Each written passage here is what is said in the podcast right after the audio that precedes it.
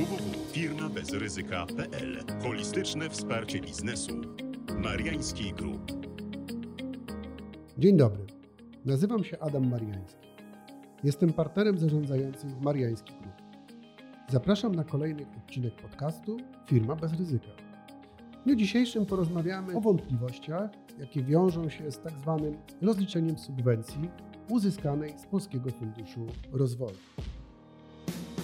Moimi dzisiejszymi gośćmi są mecenas Monika Błońska Dzień dobry Państwu. oraz mecenas Magdalena Grzywaczewska-Łuczkowska. Dzień dobry. Wraz z początkiem maja rozpoczęło się rozliczanie subwencji udzielonych przez PFR w ramach programu Tarcza Finansowa 1.0. PFR kazał dość długo czekać na ostateczny kształt zasad rozliczania subwencji, bowiem zmiany w regulaminie w tym zakresie zostały opublikowane w połowie kwietnia bieżącego roku. Regulamin zawierający postanowienia dotyczące rozliczeń w obecnym kształcie obowiązuje od 28 kwietnia. Na pierwszy rzut oka zasady rozliczania subwencji wydają się jasne, jednak praktyka pokazuje, że przedsiębiorcy mają wiele wątpliwości co do tak ustalonych zasad umarzania subwencji, jak i również co do samej procedury jej rozliczania.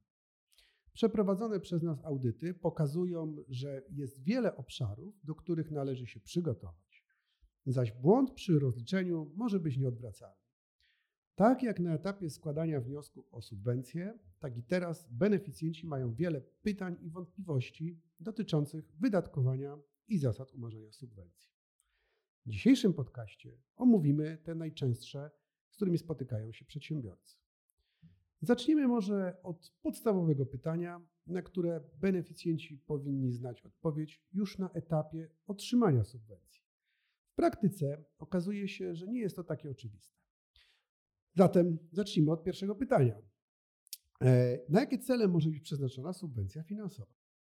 Tak, to rzeczywiście jest e, podstawowe pytanie, na które e, odpowiedź powinien znać każdy beneficjent korzystający z subwencji udzielonej przez PFR. Co do zasady, te środki e, finansowe udzielone w ramach e, tarczy finansowej 1, czy, czy też już e, udzielanej przez, e, przez PFR w ramach tarczy finansowej 2.0, one mogą być przeznaczone mm, wyłącznie na pokrycie kosztów prowadzonej przez e, danego beneficjenta działalności gospodarczej.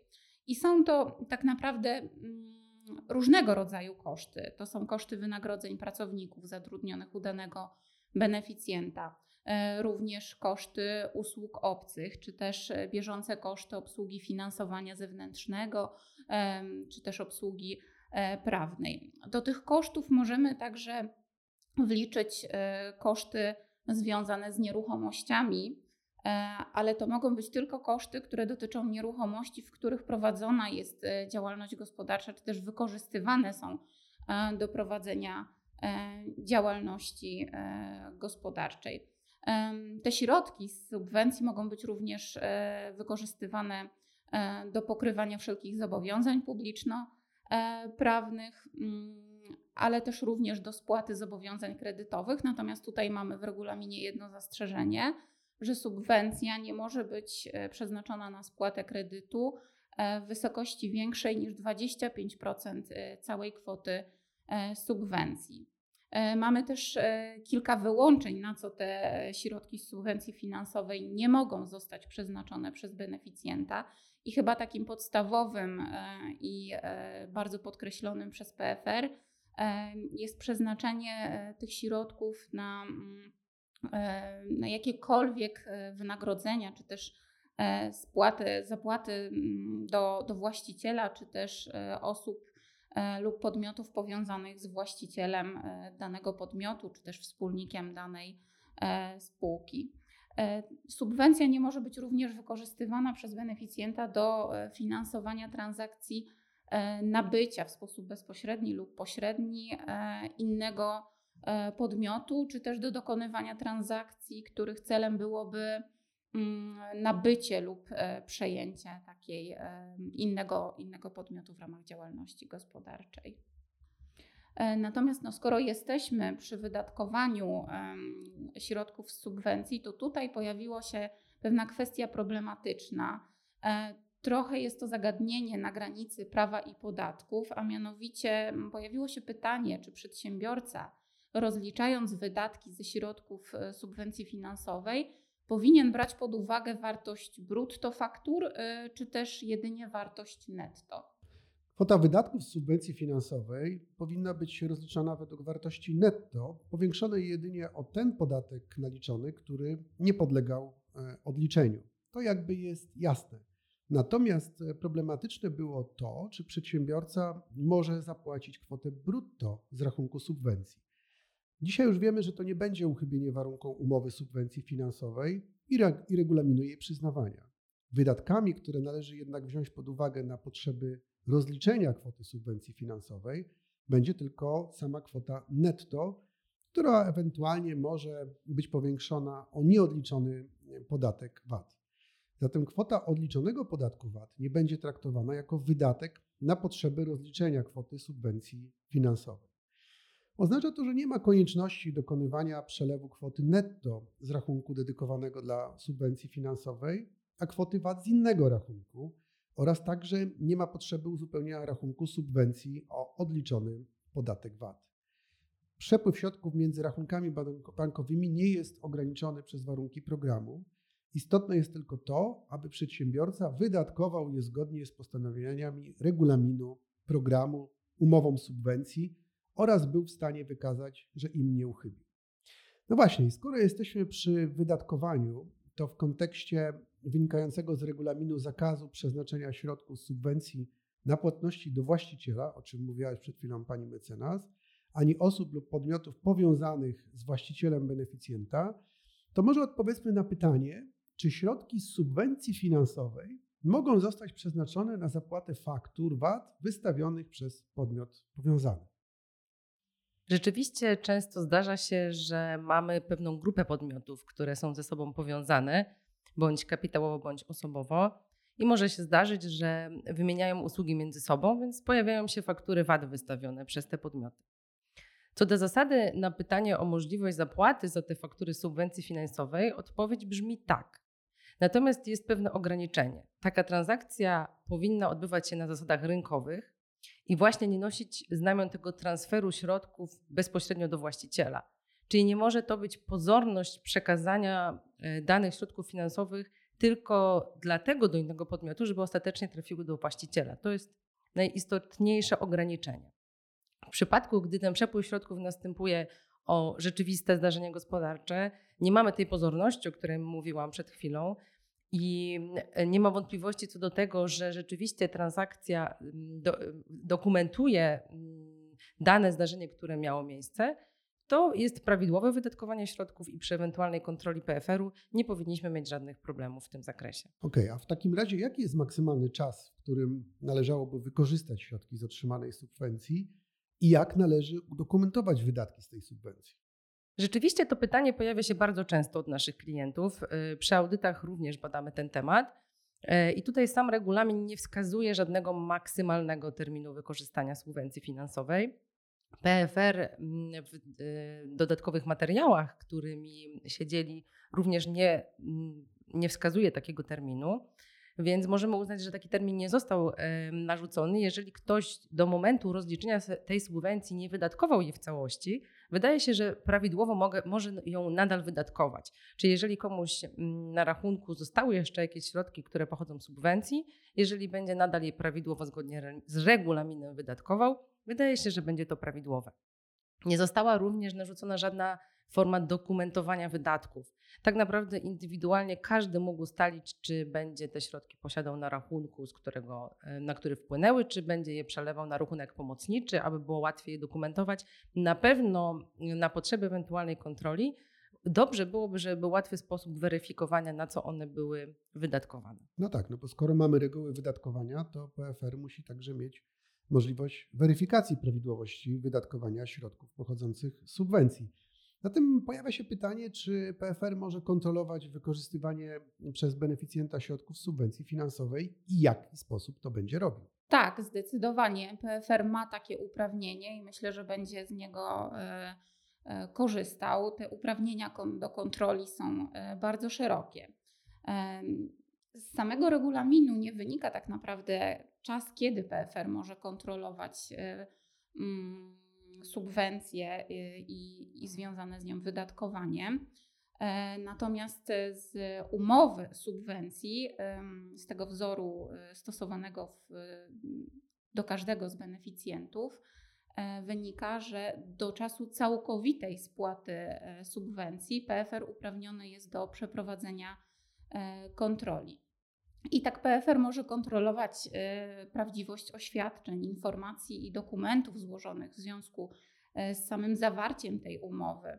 E, może również kontrolować sposób wykonywania umowy subwencji, w tym również w sposób, w jaki, zostały, w jaki została wydatkowana subwencja finansowa, czy zostało to dokonane zgodnie z regułami wskazanymi w regulaminie.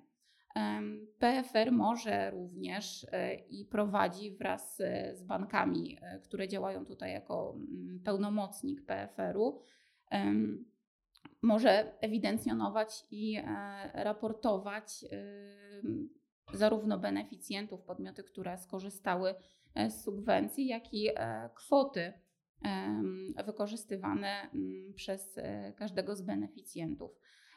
To, co jest bardzo istotne, to fakt, że PFR w ramach kontroli może współpracować między innymi z Krajową Izbą Rozliczeniową, bankami, instytucjami finansowymi, E, ale też z Zakładem Ubezpieczeń Społecznym, Społecznych, ministrem rozwoju, czy też ministrem finansów, KRS-em e, i sądami e, powszechnymi. Więc tutaj dostęp do informacji na temat beneficjentów jest bardzo, bardzo szeroki. Widzimy zatem, że PFR ma bardzo szerokie możliwości kontrolowania rozliczenia środków z subwencji finansowej.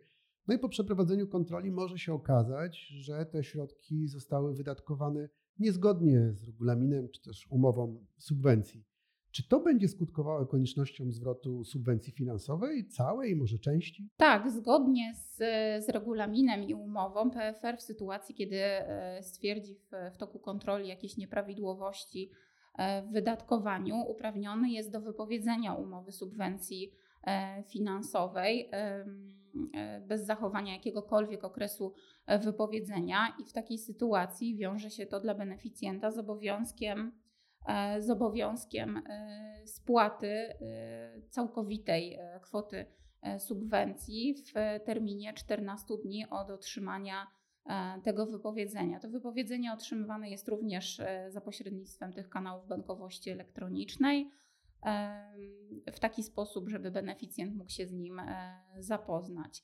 E, ale to nie jest jedyna sytuacja, kiedy PFR uprawniony będzie do wypowiedzenia bez zachowania okresu wypowiedzenia e, umowy subwencji.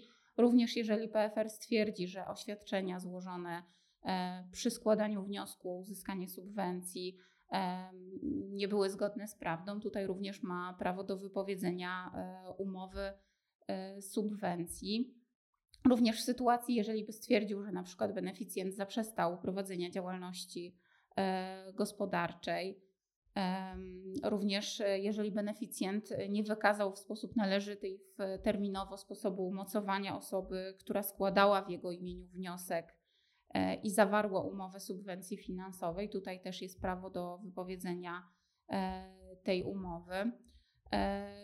To, co również się pojawia, jest istotne jako przyczyna wypowiedzenia umowy subwencji, to naruszenie przez beneficjenta w zakresie prowadzonej działalności gospodarczej e, ograniczeń i zakazów, które zostały ustanowione w związku z wystąpieniem stanu zagrożenia epidemicznego lub stanu e, epidemii.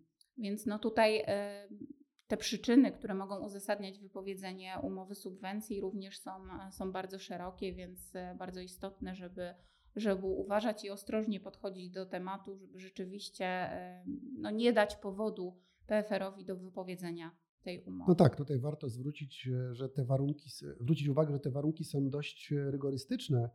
E, chociażby wskazanie, że którekolwiek z oświadczeń złożonych przez beneficjenta jest e, nieprawdziwe lub wprowadzające w błąd, jest wystarczającą przesłanką do wypowiedzenia tej umowy. Z naszej praktyki wynika chociażby to, że często podatnicy zatajali albo nieumyślnie nie wskazywali powiązań z innymi podmiotami, które również wnioskowały o subwencje. na co warto zwrócić uwagę. No właśnie, jeżeli wiemy już, e, jak e, wyglądała ta, wygląda ta kwestia możliwości wypowiedzenia umowy, to przejdźmy do kwestii e, samego rozliczenia subwencji, czyli złożenia wniosku o umorzenie. No i tutaj pojawia się chyba najważniejsze pytanie w dzisiejszym naszym podcaście, czyli jakie są terminy rozliczenia subwencji. Może zacznę od tego, że cały czas mówimy o rozliczeniu subwencji, natomiast ten termin może być troszeczkę mylący, bowiem to, co się w tej chwili dzieje, to jest tak naprawdę składanie wniosków o umorzenie subwencji w całości bądź w części. E, nie możemy mówić do końca o rozliczeniu subwencji z, trochę z tego powodu, o którym wcześniej mówiłam, czyli że w wielu przypadkach te środki wciąż są wydatkowane. E, natomiast rzeczywiście w tej chwili na e, stronach prowadzonych przez banki w ramach bankowości elektronicznej udostępniane już są dla przedsiębiorców takie projekty oświadczeń, które mogą oni złożyć w ramach właśnie wniosku o umorzenie tej subwencji. E, takie oświadczenia będą właśnie składane przez beneficjentów za pomocą systemu bankowości elektronicznej. W ramach tych oświadczeń będą właśnie oni informować o spełnieniu warunków do umorzenia, czy to w całości, czy w części, w zależności od y, ich spełnienia, o tym, jakie warunki powinny być spełnione dla konkretnego umorzenia, będziemy mówić w dalszej części podcastu, więc tutaj może rzeczywiście skupię się tylko na terminach. E, najpóźniej na dzień przed rozpoczęciem biegu terminu na złożenie takiego oświadczenia pojawi się w bankowości elektronicznej taka propozycja oświadczenia, którą przygotowuje PFR na podstawie tych informacji, które pobiera sobie od organów publicznych. W wielu przypadkach pojawiają się one już wcześniej, u większości naszych klientów już one są, więc możemy je sobie podglądnąć i zobaczyć, jaka jest ta propozycja. Takie oświadczenie należy zatwierdzić w terminie 10 dni roboczych od upływu 12 miesięcy od dnia wypłaty subwencji. I tutaj uwaga, ważny jest dzień wypłaty subwencji, a nie dzień zawarcia umowy czy dzień złożenia wniosku. To jest dla nas, dla nas kluczowe, a te 10 dni to nie są dni kalendarzowe, tylko robocze. Więc to y, proszę mieć na uwadze. Od momentu, kiedy takie oświadczenie zostanie już zatwierdzone e, w ramach bankowości elektronicznej, PFR ma 15 dni również roboczych, w ramach których wydaje decyzję. Znaczy stwierdza, czy zgadza się e, z oświadczeniem przez nas zmienionym bądź mm, poprawionym, czy się nie zgadza i na podstawie tej decyzji następuje mm, podzielenie subwencji na raty i e, w odpowiednim terminie rozpoczyna się jego spłata.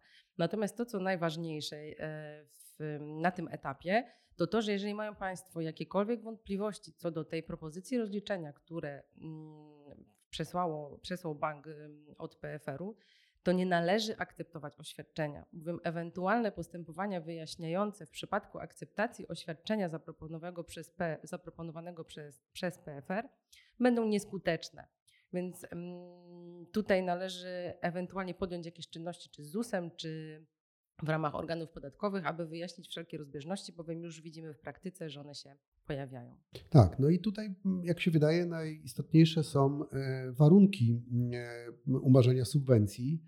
Jak rozumiem, te warunki są inne dla mikroprzedsiębiorców, a inne dla małych i średnich przedsiębiorców. Tak, rzeczywiście. E, w przypadku mikroprzedsiębiorców e, i małych, średnich przedsiębiorców te, te warunki odrobinę się różnią. I może zacznę od e, omówienia tych warunków umorzenia subwencji dla mikroprzedsiębiorców. One w pewnym zakresie są tożsame dla MŚP, natomiast no tutaj zaznaczę, że są również różnice. I tak w przypadku mikroprzedsiębiorcy 25% kwoty subwencji zawsze jest do zwrotu. Czyli tutaj no, no nie ma pełnego umorzenia. 25% zawsze będziemy musieli zwrócić. 25% kolejne tej kwoty subwencji e, może być również umorzone, ale pod warunkiem, że dany beneficjent prowadził działalność gospodarczą przez 12 miesięcy od dnia przyznania subwencji. I tutaj jest ważne, mm, co PFR rozumie przez zaprzestanie prowadzenia działalności E, gospodarczej, no to przede wszystkim zakończenie tej działalności, otwarcie postępowania likwidacyjnego, rozwiązanie spółki. To, co jest istotne i, budzi pewne wątpliwości, to również złożenie wniosku o otwarcie postępowania restrukturyzacyjnego przez PFR uznawane jest za zaprzestanie prowadzenia działalności gospodarczej, co przecież jest tak naprawdę no nie do końca prawdą, bo, bo beneficjenci, którzy są w restrukturyzacji, dalej prowadzą działalność gospodarczą. Taki jest też cel tego postępowania restrukturyzacyjnego, żeby ci beneficjenci dalej prowadzili działalność, nie zaprzestawali jej. Natomiast no tutaj niestety, jeżeli to postępowanie zostało otwarte, to PFR uznaje, że dany beneficjent zakończył działalność gospodarczą i zobowiązany będzie do zwrotu 25% e, kwoty subwencji. I trzecia część subwencji, czyli tutaj już nam zostało 50% e, kwoty subwencji, e, tak naprawdę zależy od tego, ile zwrócimy, zależy od tego, mm, czy utrzymaliśmy stan zatrudnienia w naszym przedsiębiorstwie. I tutaj jest umarzane mm, proporcjonalnie do skali redukcji zatrudnienia. E, przykładowo, jeżeli dane przedsiębiorstwa zredukował e, stan zatrudnienia u siebie o powiedzmy 10%, e, to ta kwota do zwrotu subwencji również będzie większa o 10%. O 10% tak? Jeżeli nie nastąpiła redukcja zatrudnienia, to tutaj możemy mówić o, o umorzeniu tej, tej wartości 50% subwencji. Dla małych i średnich przedsiębiorców e, tutaj mamy mm, dwie e, przesłanki tożsame, to znaczy 25% kwoty jest zawsze zwracane, tutaj niezależnie od, od wszelkich czynników zawsze zwracamy. 25% kwoty subwencji jest umarzane, ale właśnie też pod warunkiem prowadzenia tej działalności gospodarczej przez 12 miesięcy. I tutaj definicja jest taka sama jak w przypadku mikroprzedsiębiorców, czyli nie możemy złożyć wniosku o upadłość, o likwidację E, i tak. E, kolejne 25% kwoty subwencji umarzane jest e, zależnie też właśnie od utrzymania tego stanu zatrudnienia, ale tutaj mamy pewną różnicę. Jeżeli na przykład przedsiębiorca zredukował stan zatrudnienia o 10%, to już nie zwiększa tej kwoty subwencji do zwrotu o 10%, ale tylko o 5%, czyli o połowę. Tak? Redukujemy tak naprawdę o o 5% e, tą kwotę do zwrotu.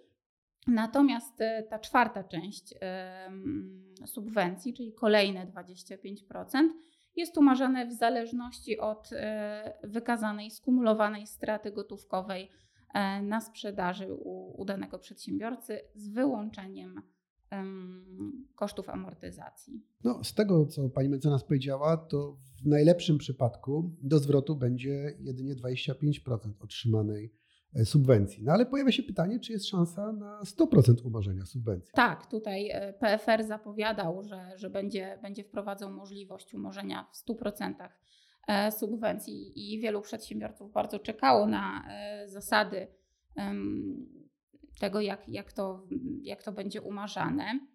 E, I tak naprawdę dotyczy to głównie tych przedsiębiorców, e, którzy zostali najbardziej dotknięci, e, według PFR-u, zostali najbardziej dotknięci skutkami mm, tego stanu epidemii i, i związanych z, nimi, z nim ograniczeń. I jest kilka przesłanek, które muszą być spełnione łącznie do tego, żeby PFR umorzył w 100% otrzymaną subwencję. E, pierwszy warunek to jest to nieprzerwane prowadzenie działalności gospodarczej przez danego beneficjenta e, od daty przyznania subwencji do daty wydania e, decyzji o umorzeniu przez PFR. Czyli no nie zawiesiliśmy działalności, prowadzimy cały czas, to wtedy jest to, jest to przesłanka do umorzenia, jedna z wielu. Tak. Kolejną przesłanką jest nieposiadanie statusu przedsiębiorstwa znajdującego się w trudnej sytuacji e, w rozumieniu e, rozporządzenia e, pomocowego.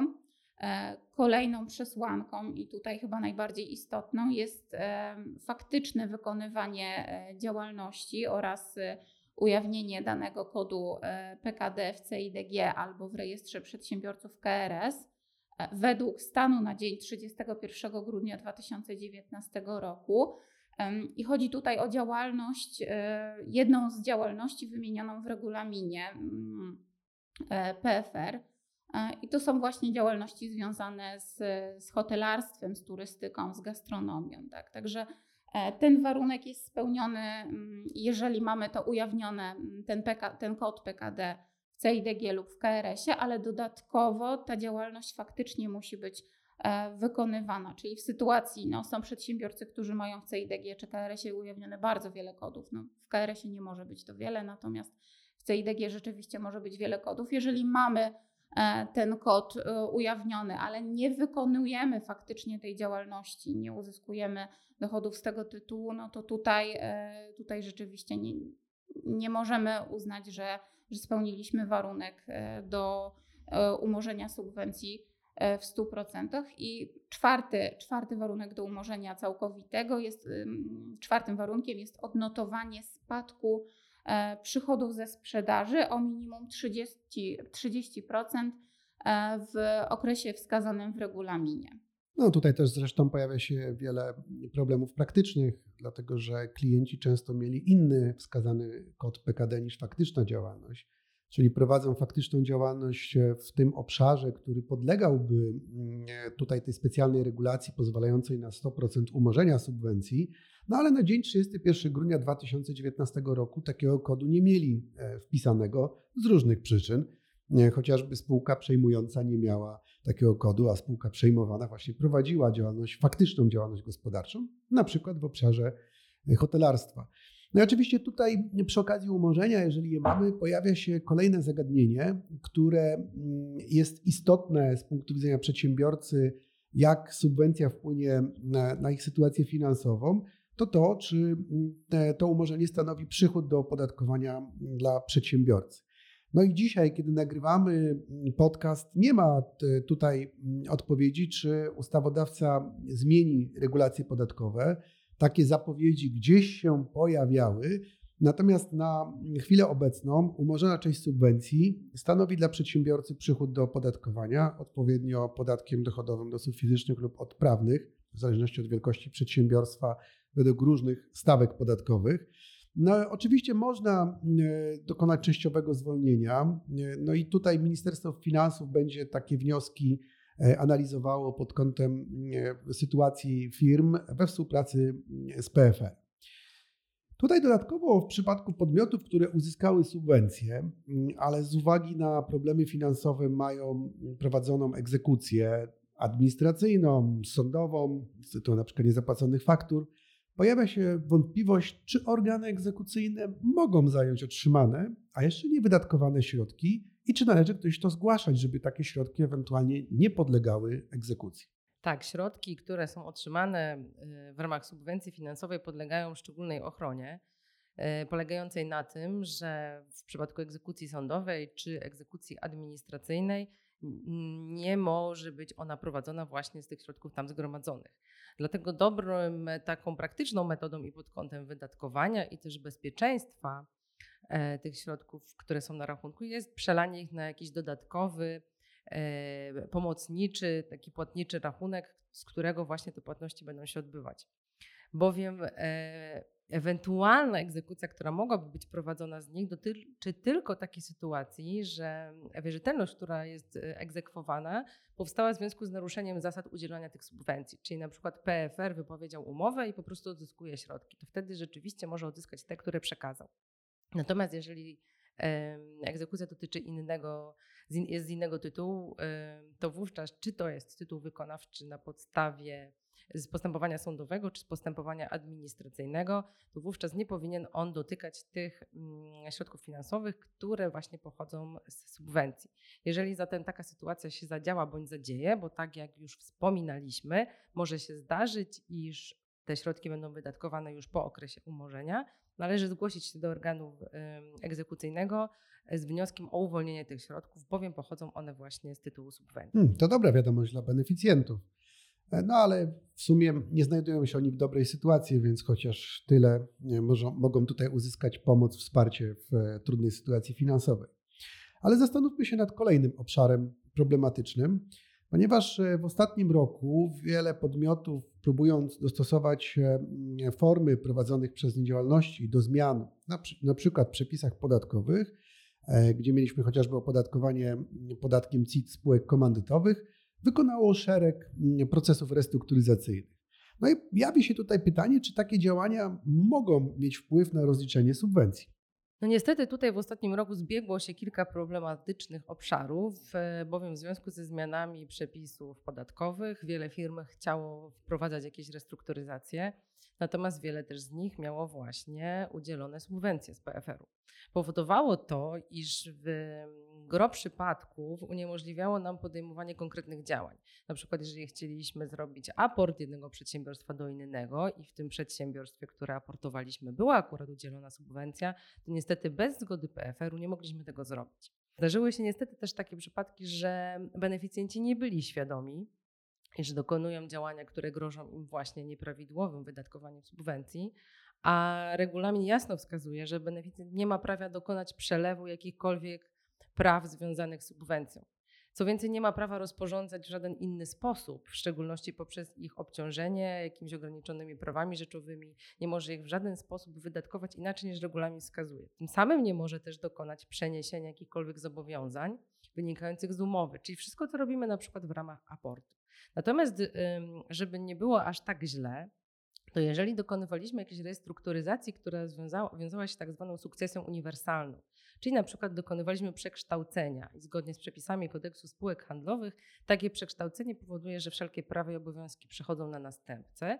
W takim wypadku nasza subwencja nie jest zagrożona. My ostrożnościowo oczywiście uważamy, że należałoby poinformować PFR, iż dokonywaliśmy takich zmian, aby te inne e, wymogi, bowiem regulamin PFR-u jest dość szeroki, nie były zagrożone. Natomiast nie jest to postępowanie niezgodnie z regulaminem, więc e, jeżeli ktoś w ramach e, restrukturyzacji dokonał sukcesji uniwersalnej, bądź jeszcze jest jeden wyjątek, czyli śmierć beneficjenta będącego osobą fizyczną, gdzie tutaj po prostu spadkobiercy na przykład przejmują przed, przedsiębiorstwo w spadku, wtedy ta subwencja nie jest zagrożona. Natomiast inne działania, które E, nie mają znamion sukcesji, mogą powodować, że ta subwencja będzie uznana za wydatkowaną w, e, w sposób niezgodny z regulaminem. No, mimo, że poruszyliśmy tylko węzłowe zagadnienia związane z otrzymaniem oraz rozliczeniem subwencji, widzimy, że obszarów problematycznych, dotykających zresztą e, bardzo wielu zagadnień, także wielu gałęzi prawa jest mnóstwo. W związku z tym na zakończenie chciałbym zapytać Panie, czy mają Panie jakieś e, takie mm, dobre e, rady dla rozliczających subwencje, jak przygotować się do tego procesu? No tak, mimo że mm, te zasady rozliczenia subwencji wydają się mm, dosyć klarowne, to na pewno trzeba się dobrze przygotować do tej czynności rozliczenia e, subwencji, chociażby z tego względu, że ten czas E, od kiedy otrzymujemy propozycję rozliczenia subwencji do, do czasu, kiedy musimy złożyć już oświadczenie, wiążące oświadczenie, e, to jest tak naprawdę bardzo niewiele, bardzo krótki okres. E, w związku z tym już teraz rekomendujemy tak naprawdę przeprowadzenie audytu i to musi być chyba dosyć szeroki audyt, bo powinien obejmować zarówno prawidłowość zawarcia umowy, czy też złożenia samego wniosku o E, otrzymanie subwencji. Ten audyt powinien również obejmować prawidłowość wydatkowania mm, środków z subwencji, a także samego e, rozliczenia. To oświadczenie, które będzie nam udostępnione za pośrednictwem bankowości elektronicznej, ono będzie już częściowo uzupełnione. Natomiast PFR zaznacza, że te dane e, no, mogą nie zgadzać się z, z naszymi danymi, tak, z, tym, z naszą wiedzą, więc Trzeba na pewno mm, sprawdzić, czy do ZUS-u i Urzędu Skarbowego zostały złożone wszystkie deklaracje za ostatnich 12 miesięcy, czy nie ma tam żadnych nieprawidłowości, zaległości. E, należy również sprawdzić zatrudnienie e, i wyliczyć skalę ewentualnej e, redukcji, bo z doświadczenia wiemy, że, że te, te dane uzupełniane przez PFR na podstawie danych otrzymanych z ZUS-u, one no, czasem są po prostu błędne. E, rekomendujemy również sprawdzenie, mm, czy wystąpiła wcześniejsze sprawdzenie, czy wystąpiła skumulowana strata e, gotówkowa, ewentualnie spadek e, przychodów ze sprzedaży. Tutaj będziemy potrzebowali no, dokumentów od, od księgowości, od obsługi księgowej i, i to też nie są dokumenty, które, które możemy uzyskać z, z godziny na godzinę, czy też z dnia na dzień. To też trzeba przygotować. Trzeba również sprawdzić te kody PKD, czy, czy przypadkiem te, to e, co zostało wskazane w regulaminie, nie uprawnia nas e, do umorzenia subwencji w 100%. To istotne też, e, a wcześniej już wskazywaliśmy, jeżeli zaakceptujemy oświadczenie, które przygotuje dla nas PFR, to potem już nie mamy możliwości mm, odwołania się, czyli tak zwanego postępowania wyjaśniającego. Dlatego bardzo ważne jest, aby te dane, które akceptujemy, były prawidłowe. Jeżeli zatem mają Państwo jakiekolwiek wątpliwości co do tego, co zostało już wskazane, bądź nawet mają Państwo wątpliwości w zakresie danych podawanych przez kadry bądź przez księgowość, należy je wyjaśnić w terminie tych 10 dni roboczych od dnia, kiedy to oświadczenie można złożyć, do dnia, kiedy mija termin na jego złożenie. Jeżeli ma, mają Państwo jakieś dane, które są nieprawidłowe, to wówczas należy je poprawić na prawidłowe i dodatkowo to jest wskazówka, że w jakimś rejestrze, z którego korzysta PFR, jest ta nieprawidłowość. Więc też należałoby się na przykład, jeżeli PFR wskazał redukcję zatrudnienia, inną aniżeli ta, która mm, wychodzi z naszych wyliczeń, należałoby skontaktować się z ZUS-em i zweryfikować, jaki jest powód tych nieprawidłowości. Bowiem proszę pamiętać, że PFR ma dostęp do bardzo wielu danych i każde państwa oświadczenie w zakresie innej kwoty niż ta wskazana przez PFR będzie przez PFR badana. Bardzo dziękuję Paniom za te cenne wskazówki mm, dotyczące uzyskania, ale przede wszystkim rozliczenia subwencji e, z PFR-u. Naszym słuchaczom dziękuję za uwagę. Już dzisiaj zapraszam na kolejny mm, odcinek naszego podcastu Firma bez ryzyka, który poświęcimy Polskiemu Ładowi, czyli niejasnym plusom i oczywistym minusom podatkowym. Do usłyszenia. Do usłyszenia. Do usłyszenia.